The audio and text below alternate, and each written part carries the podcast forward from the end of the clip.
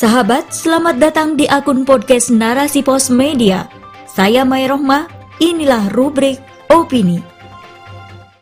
Paradoks Demokrasi Kontradiktif dengan Kesejahteraan Rakyat oleh Hesti Andira, kontributor narasipos.com. Bali Demokrasi Forum BDF adalah sebuah forum yang didirikan pada tahun 2008 dengan tujuan untuk menciptakan arsitektur demokrasi yang progresif di wilayah Asia Pasifik. Selama 15 tahun BDF telah diselenggarakan dengan berbagai tema yang menitik beratkan pada praktik demokrasi di berbagai negara, terutama di kawasan Asia.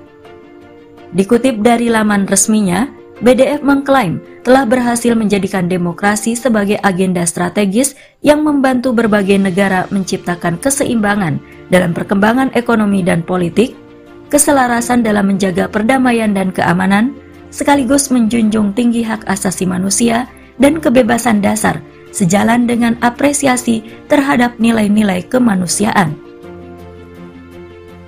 Demokrasi berasal dari kata demos yang artinya manusia dan kratos yang artinya pemerintahan.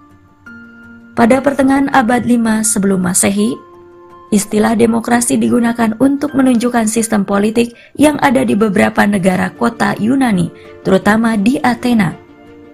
Demokrasi adalah anak kandung ideologi kapitalisme yang diusung oleh Amerika Serikat. Abraham Lincoln, Presiden Amerika Serikat ke-16, dikenal sebagai Bapak Demokrasi.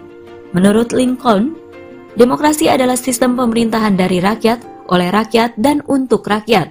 Ia juga menekankan bahwa rakyat memiliki kebebasan dalam berbagai lini kehidupan, termasuk aktivitas politik. Secara teori, rakyat adalah pemegang kekuasaan tertinggi dalam sistem demokrasi. Rakyat berhak membuat peraturan perundang-undangan, berhak memilih dan menggaji kepala negara untuk melaksanakan undang-undang tersebut, dan rakyat juga berhak mencabut kekuasaan kepala negara ataupun mengubah undang-undang yang sudah ditetapkan sebelumnya. Namun dalam praktiknya, demokrasi selalu beriringan dengan sistem kapitalis ekonomi. Para pemilik modal adalah penguasa sebenarnya dari demokrasi. Campur tangan para oligarki ini sangat mempengaruhi keputusan elit kekuasaan. Demokrasi digunakan sebagai alat untuk membuat berbagai kebijakan yang mengatasnamakan rakyat, namun sejatinya hanya bermanfaat bagi segelintir orang. Jika piagam Magna Carta yang disepakati di tahun 1215 dianggap sebagai titik awal berdirinya sistem demokrasi modern, maka demokrasi telah diadopsi berbagai negara di muka bumi selama kurang lebih 807 tahun. Selama kurun waktu tersebut, faktanya demokrasi tidak lain hanyalah sebuah jargon semata. Terbukti bahwa sistem ini tidak membawa kesejahteraan bagi seluruh umat manusia. Justru sistem pemerintahan yang mengadopsi demokrasi malah menjadi sarang korupsi, suap, dan berbagai praktik ilegal yang diinisiasi para pemangku kekuasaan. Bahkan, Sekjen PBB Antonio Guterres dalam video sambutannya di BDF menyebut demokrasi saat ini mengalami kemunduran.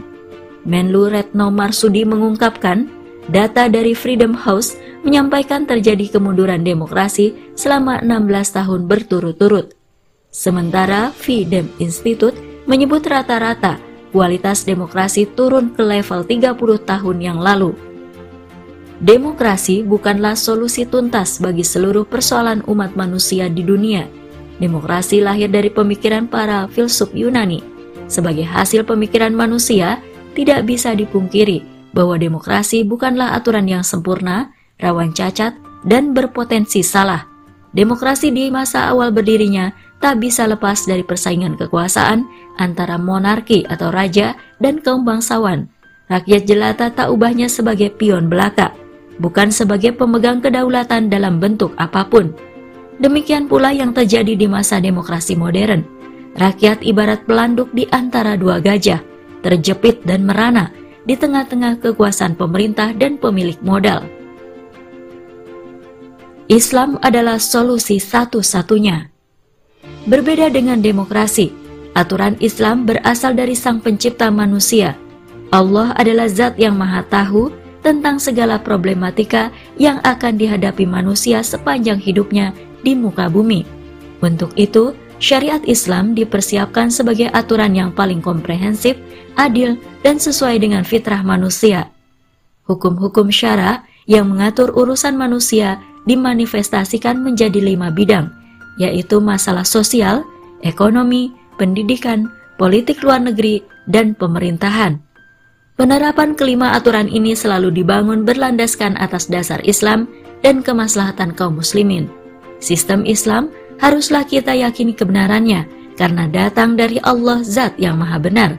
Selain itu, sistem Islam sudah terbukti membawa kebaikan dan kesejahteraan bagi seluruh umat manusia sepanjang sejarah peradaban Islam selama kurang lebih 14 abad.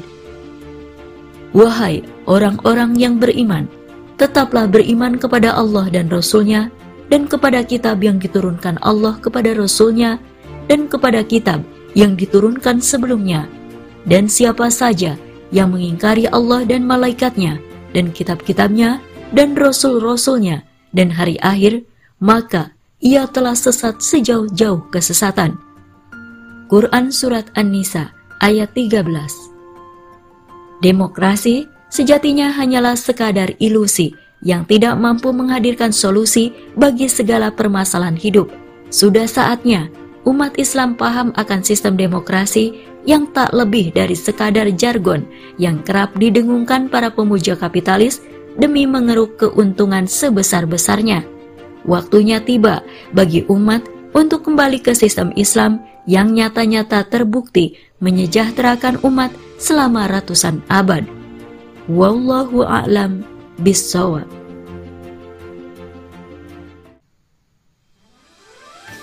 Sahabat, itulah opini kali ini. Konten ini bisa Anda baca secara gratis. Silahkan kunjungi www.narasipos.com. Terima kasih telah mendengarkan. Saya Maya Rohmah. Sampai jumpa di episode berikutnya. Narasi Pos, cerdas dalam literasi media, bijak menangkap peristiwa kunci.